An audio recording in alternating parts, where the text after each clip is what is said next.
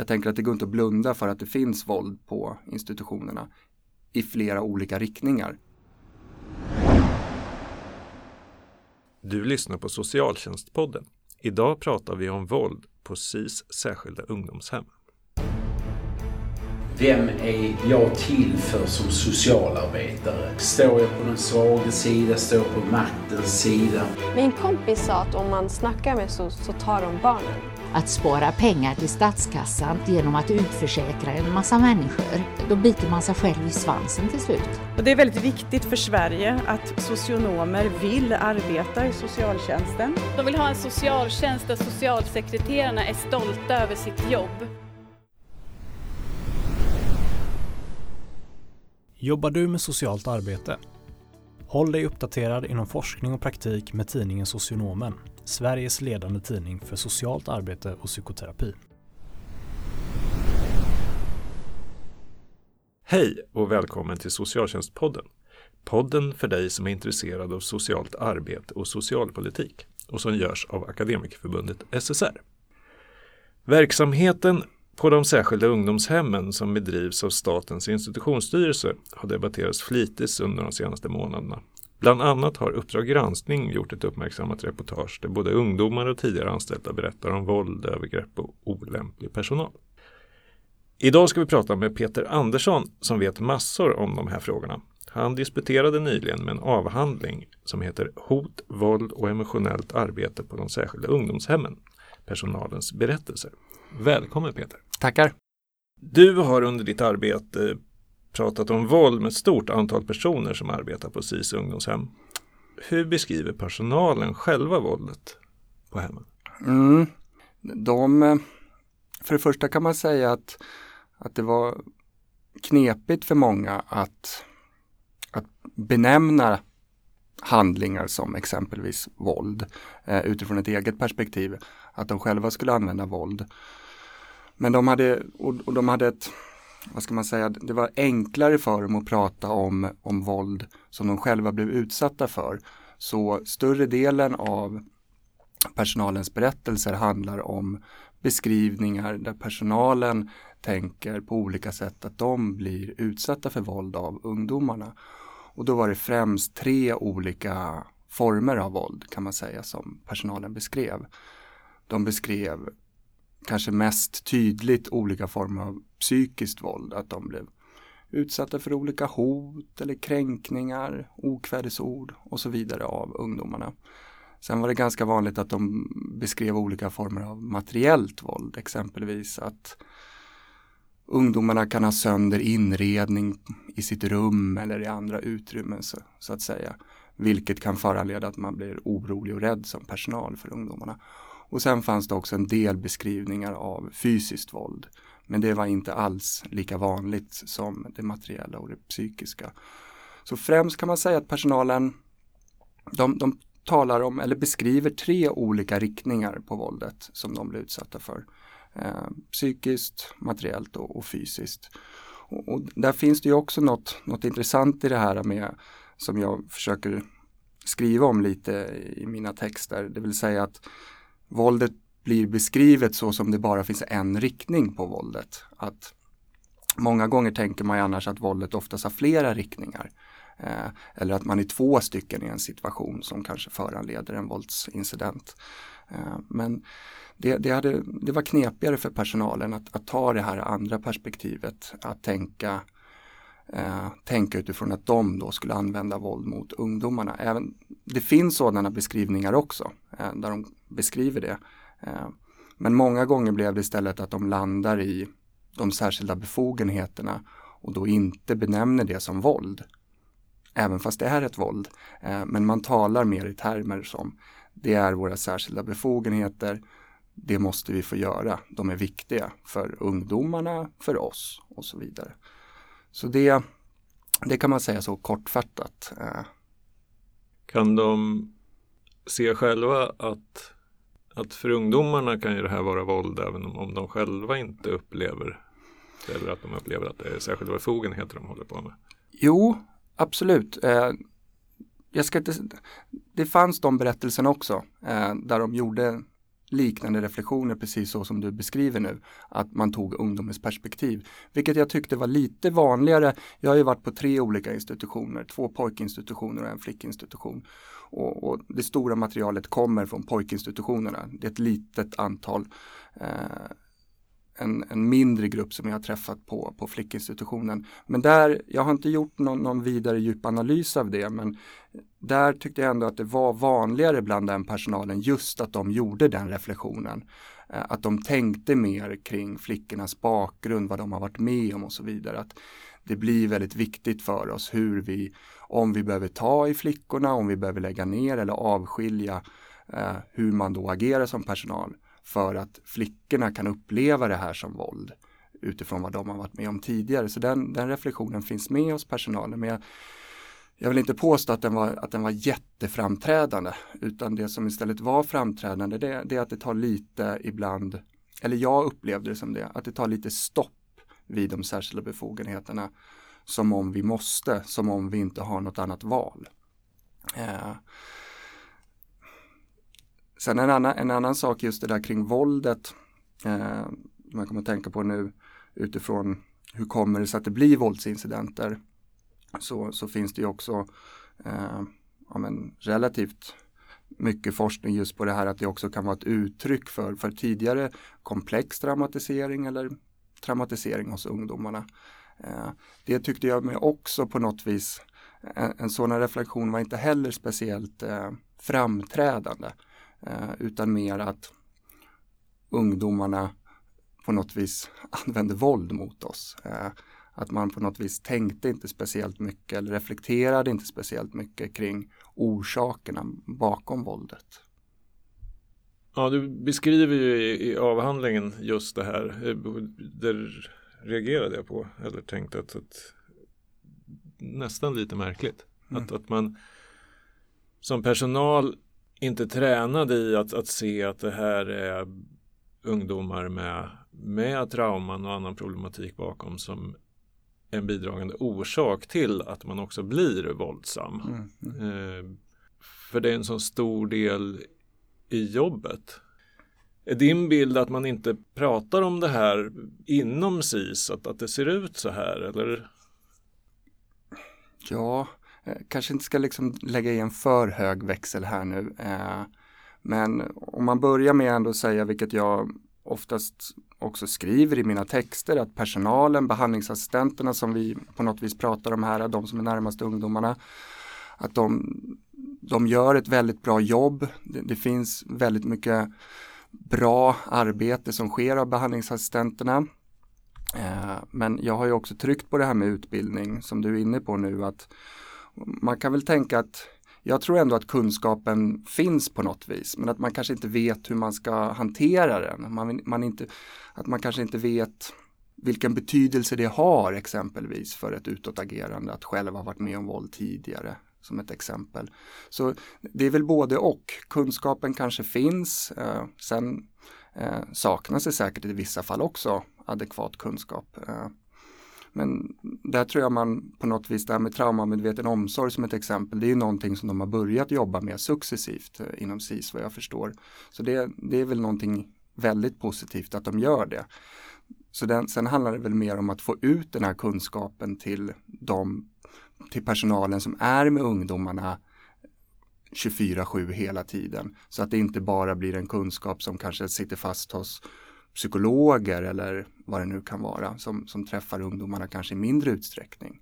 Eh, så det, nu, nu, gav jag nog ett så diplomatiskt svar tror jag men eh, Ja, för att inte liksom heller hamna kanske så svartvitt att de, att de bara saknar utbildning och så vidare och kunskap. Jag tror det finns kunskap. Det handlar liksom om att mer försöka levandegöra kunskapen och upprätthålla kunskapen, vilket man kan göra på massor med olika sätt. Kollegiala handledningsgrupper eller handledning, behandlingsmöten och så vidare. Jag tänker att det finns sådana forum men att de kanske inte utnyttjas fullt ut. Eh, långt, långt svar, lång utläggning. Eh, man kan ju se på statistik att personalen använder sig av sina befogenheter eh, i väldigt olika grad på olika institutioner. Eh, beror det på de här sakerna tror du? Att, att på vissa institutioner så har man nått ut med den här typen av kunskap bättre än på andra? Eller finns det andra orsaker till att, att det skiljer sig så mycket mellan mm. ungdomshemmen? Ja, och om jag spontant, jag, jag har inga liksom vidare belägg för det eh, rent empiriskt men man skulle ju kunna tänka sig att det, att det delvis också handlar om kön. Eh, att det kanske det kan vara svårare, läskigare, farligare att använda särskilda befogenheter mot en, eh, mot en äldre tonårspojke än mot en yngre tonårsflicka.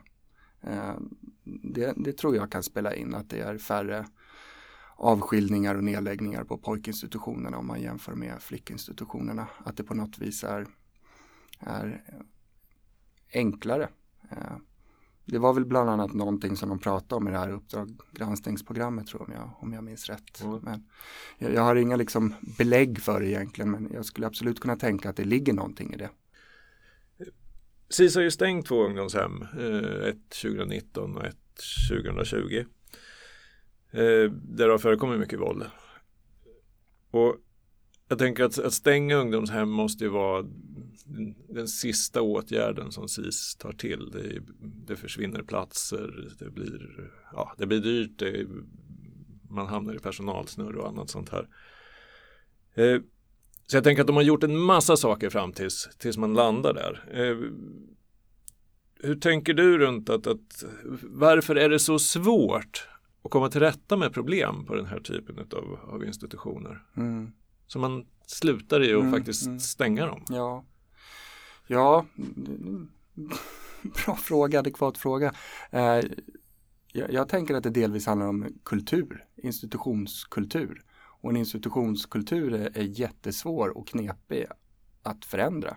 Eh, man kan ju säkert visa i båda de här fallen, de här två institutionerna som, som du tar upp här, att så har man säkert som du är inne på gjort massor med saker. Eh, både internt och säkert tagit hjälp externt så att säga. Men jag tror att det spelar mindre roll med sådana här punktinsatser att nu, nu måste vi eh, utbilda personalen i bemötande. För det, det spelar, jag tänker att det spelar mindre roll. Eh, för det kommer ändå inte förändra den här kulturen som möjligtvis då finns eh, på institutionerna. Så det, det, tror jag är en jättestor fråga att jobba med med en sån destruktiv institutionskultur. Och jag tänker, även fast jag kanske inte explicit skriver om det i, i, min avhandling så gör jag väl det i slutet, tänker jag ändå på något vis lite outtalat att vad kan då en, en destruktiv institutionsmiljö vara? Hur kan, vad karaktäriserar en sådan miljö? Där kan jag bland annat tänka mig det här att Eh, att våldet väldigt snabbt normaliseras på institutionerna, tänker jag är ett sådant exempel på en, på en eh, institutionskultur. Det var ju väldigt tydligt i mina intervjuer att personalen kunde beskriva det här våldet, de här formerna som jag nämnde tidigare. Och eh, viss personal menade på att ja, men det, det, är ovanligt, det händer lite då och då. Annan personal kunde peka på att ja, men det här händer nästan dagligen så gott som. Eh, men, men samtidigt vill de inte, de vill inte beskriva sin arbetsplats som en våldsam arbetsplats.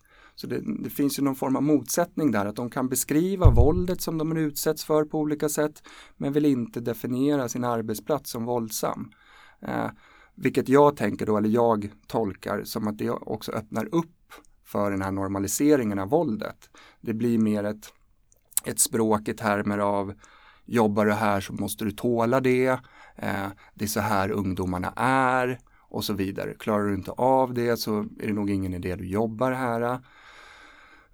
Vilket jag också tänker då, eller man kan förstå det som en mer destruktiv eh, institutionsmiljö. Sen också det här med vilka känslor får man visa och inte visa. Många gånger är det Känsloregler finns ju på alla arbetsplatser, men de är oftast väldigt subtila. Eh, implicita och de blir oftast tydliga om man bryter dem. Eh, om man, ett exempel är ju som jag tror jag med i avhandlingen, det är om man, om man skrattar på en begravning. Det blir liksom tydligt regelbrott. Men, och då, då visa rädsla har jag också förstått genom mina intervjuer, det blir också som ett, ett regelbrott. Inte alltid i relation till, till ungdomen utan snarare i relation till kollegorna. För min kollega vill inte jobba med en rädd kollega.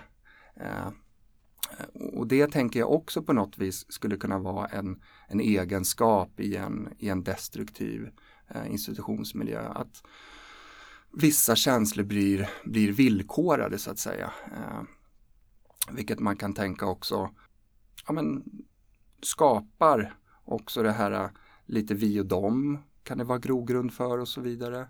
Eh, så jag, jag, jag tror att att, att komma åt våldet på institution på de, på de särskilda ungdomshemmen. För nu tänker jag, nu, nu finns det ändå så mycket eh, rapporter från, från myndigheter, från JO, från IVO, tidigare ungdomar som har varit placerade, diverse olika barnrättsorganisationer som på något vis ändå jag tänker att det går inte att blunda för att det finns våld på institutionerna i flera olika riktningar. Både att personal blir utsatta men också att ungdomar blir utsatta. Jag tänker att ett första steg det måste ju ändå vara på något vis att acceptera att det är så på de här institutionerna. Eh, för annars blir det ju knepigt för vad är det då man ska ändra om man inte accepterar på något vis eller erkänner att det här är ett stort problem eller ett problem. Eh, och då, då tänker jag att man behöver jobba mer med, med de här olika formerna av ja, med kultur, eh, klimat på, på institutionerna. Eh, och mig vetligen så, så, har man inte gjort några studier här i Sverige där man på något vis mäter eh, institutionsklimatet eller institutionskulturen. Eh, man, man, kan ju använda sig av Möjligtvis att man kan använda sig av den här adad ut för att på något vis plocka ut vissa saker eh, utifrån ungdomarnas perspektiv, huruvida de har trivts på avdelningen, huruvida de har varit utsatt för mobbning eller våld och så vidare. Men eh, om man jämför med andra europeiska länder, till exempel Holland som jag har tittat en del på, där finns det ganska många studier där man, där man verkligen har gått in och mätt hur är eh, klimatet på den här institutionen eller på den här avdelningen och, och då fångat eh, fångat exempelvis repressiv eh, institutionskultur som då ökar risken för våldsincidenter.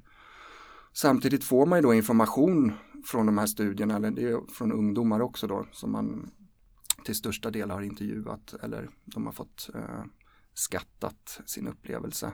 Men att det sen implementeras i verksamheten så att säga. Eh, det, det tror jag också är en väg framåt på något vis att mer undersöka hur både utifrån personalens perspektiv men också från ungdomars perspektiv. Hur, hur, hur, de, hur upplever man den här miljön som man är i? För det är ändå en miljö som är sluten, det är en institution. Ungdomarna är i stort sett, inte alla, men de flesta är ändå placerade under tvång. Många vill inte vara där. Så det är ju en väldigt speciell miljö som också på något vis den asymmetriska relationen mellan personal och ungdomar, den finns ju inbyggd i institutionerna. Eh, det kommer man ju inte ifrån, så det kommer alltid finnas det här eh, på något vis väldigt prekära spänningsförhållandet eh, i miljön som på något vis jobbar man inte fram en bra institutionsmiljö så banar man också väg för, för mer repressiva insatser och, och våldsincidenter tänker jag. De här studierna som eh, du har tittat på från, från Holland. Har man kunnat då tillsatt åtgärder och, och kunnat följt om det har, har blivit förbättringar av dem? De, är, de ligger, de studier jag tänker på nu,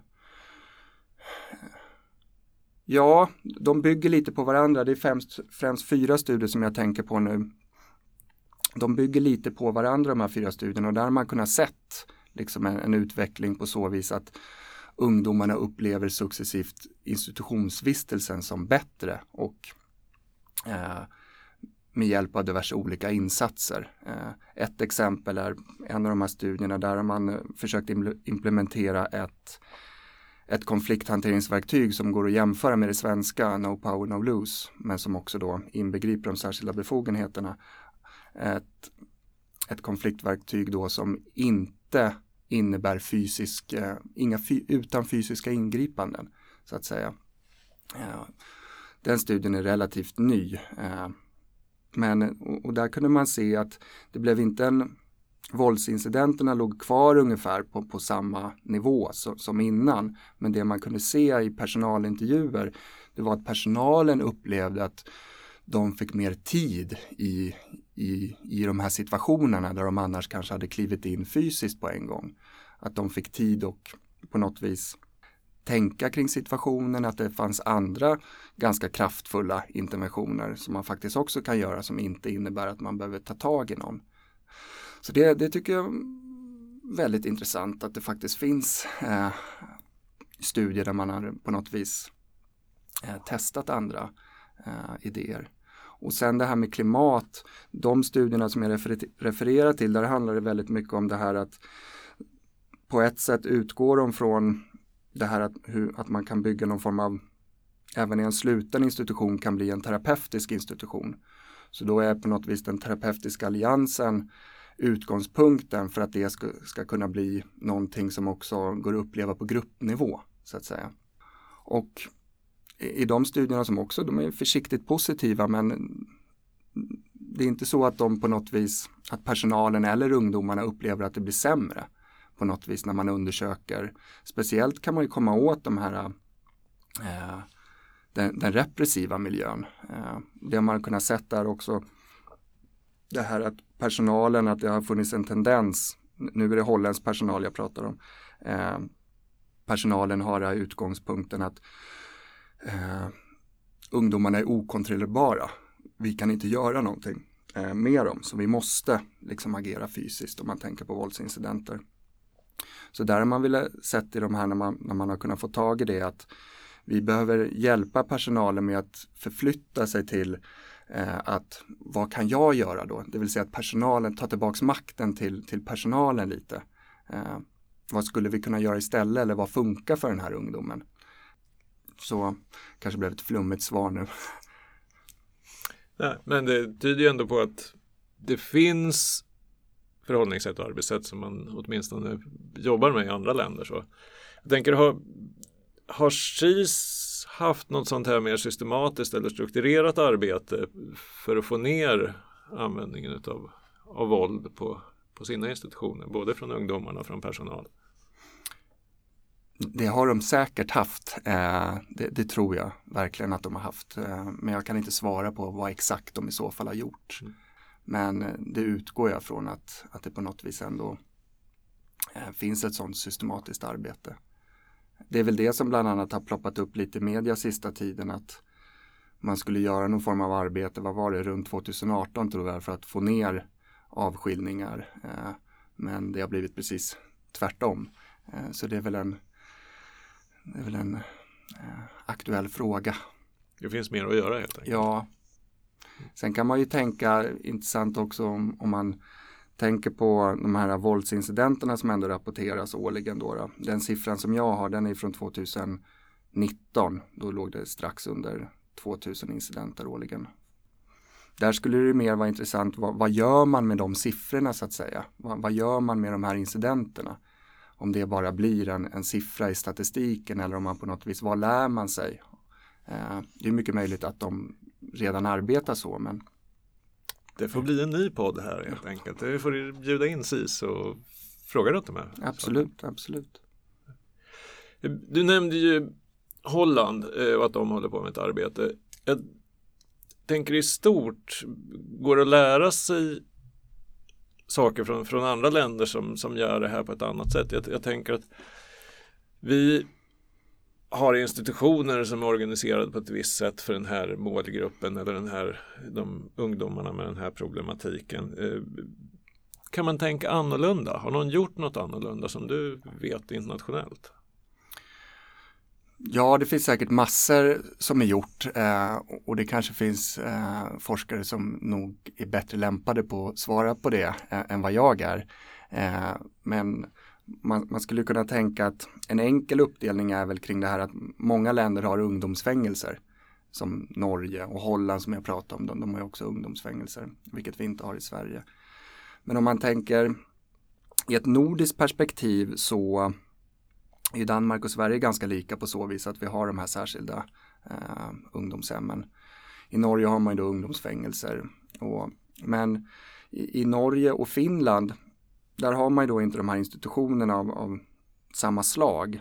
Eh, och där kan man inte heller använda de här fysiska tvångsmedlen på samma sätt som exempelvis här i Sverige och, da, och i Danmark. Så där är, en mycket, där är det mer utifrån vilken situation det är. Där spelar det inte så, så stor roll vad det är för institution. Möjligheten finns i, i Norge och, eh, och Finland vad jag har förstått.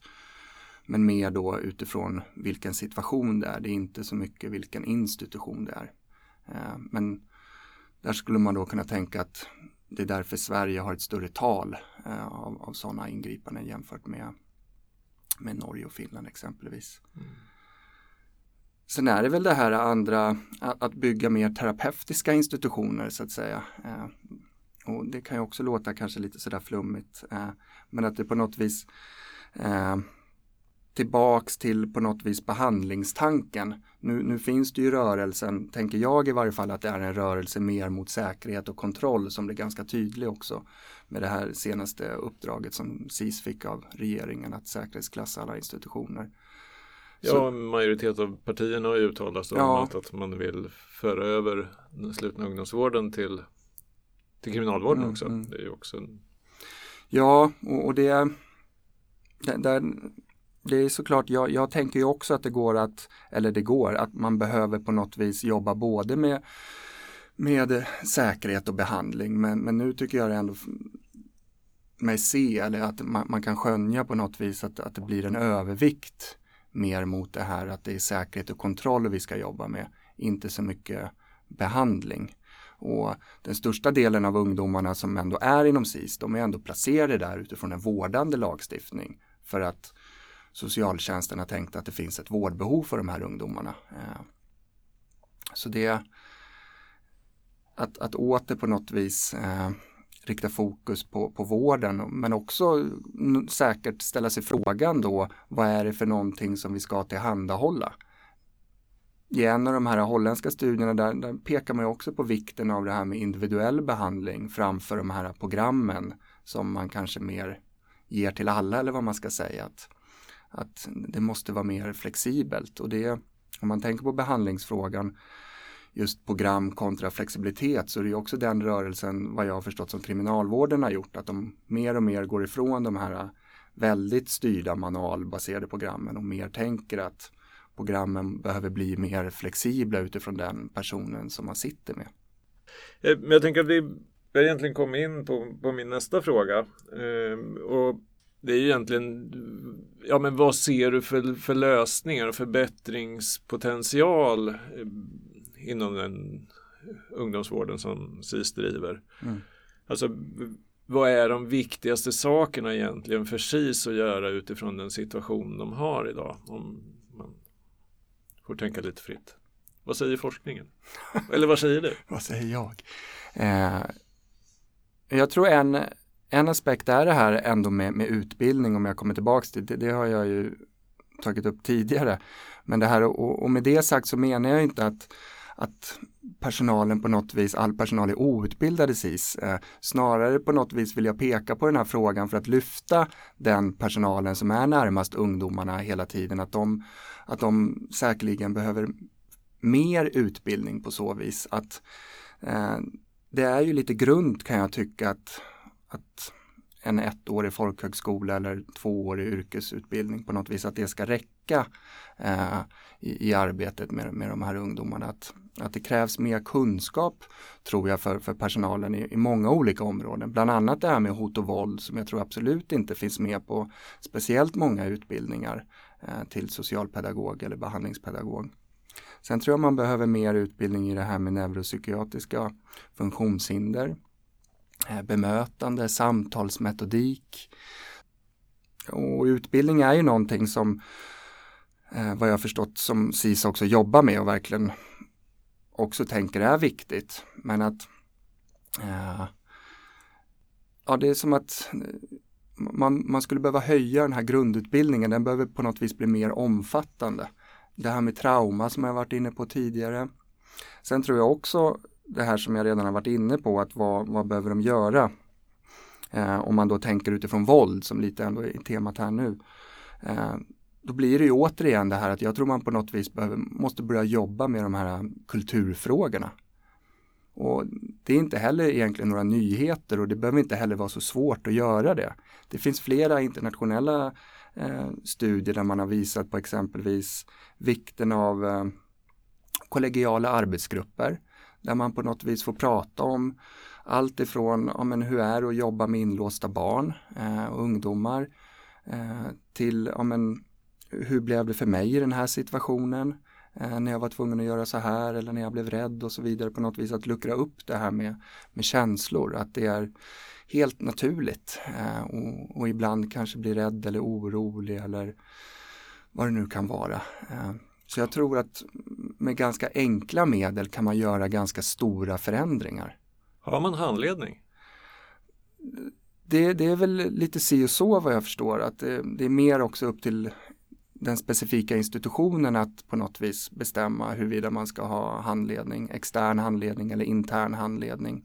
Eh, och där tänker väl jag generellt kring den frågan att det, det, är alltid bra med extern handledning för att då även fast jag vet de som förordar den interna handledningen brukar ofta svara men de känner personalen då, de vet vad det är för ungdomar och så vidare. Men återigen den här kulturfrågan, den är ju mycket enklare för någon att fånga, eh, för en utomstående på något vis att, att fånga, tänker jag.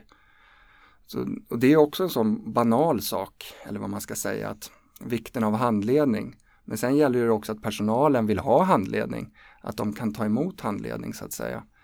Mm. Du var ju inne på utbildning, eh, vill plocka tillbaks den tråden. Utbildning till behandlingsassistent eller, eller de, de yrkena idag är ju, finns ju väldigt många olika utbildningar på olika nivå som innehåller olika saker. Mm. Så.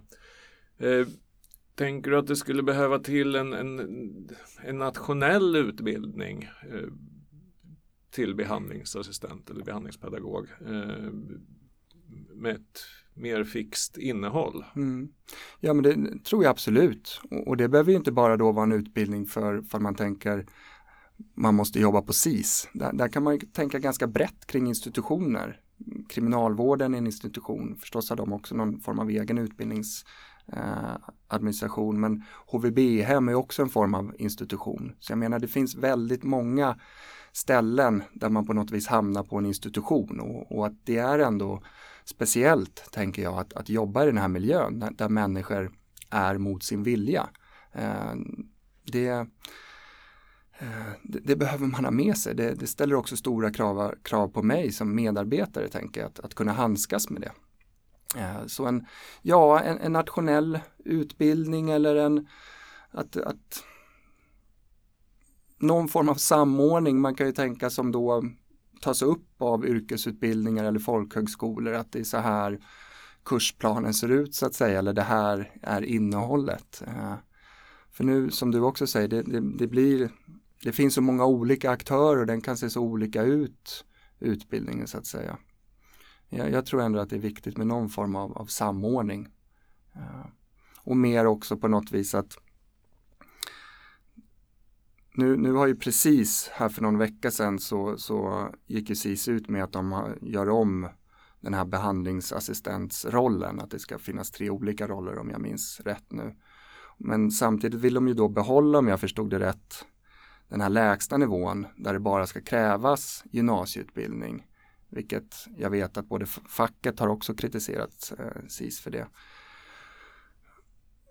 Istället för att då kanske höja liksom den lägsta nivån kan man ju tänka. Eh, har varit min idé hela tiden när jag har på något vis debatterat utbildningsfrågan att, att höja lägsta nivån. Eh, inte ha kvar den eller liksom sänka den. Eh.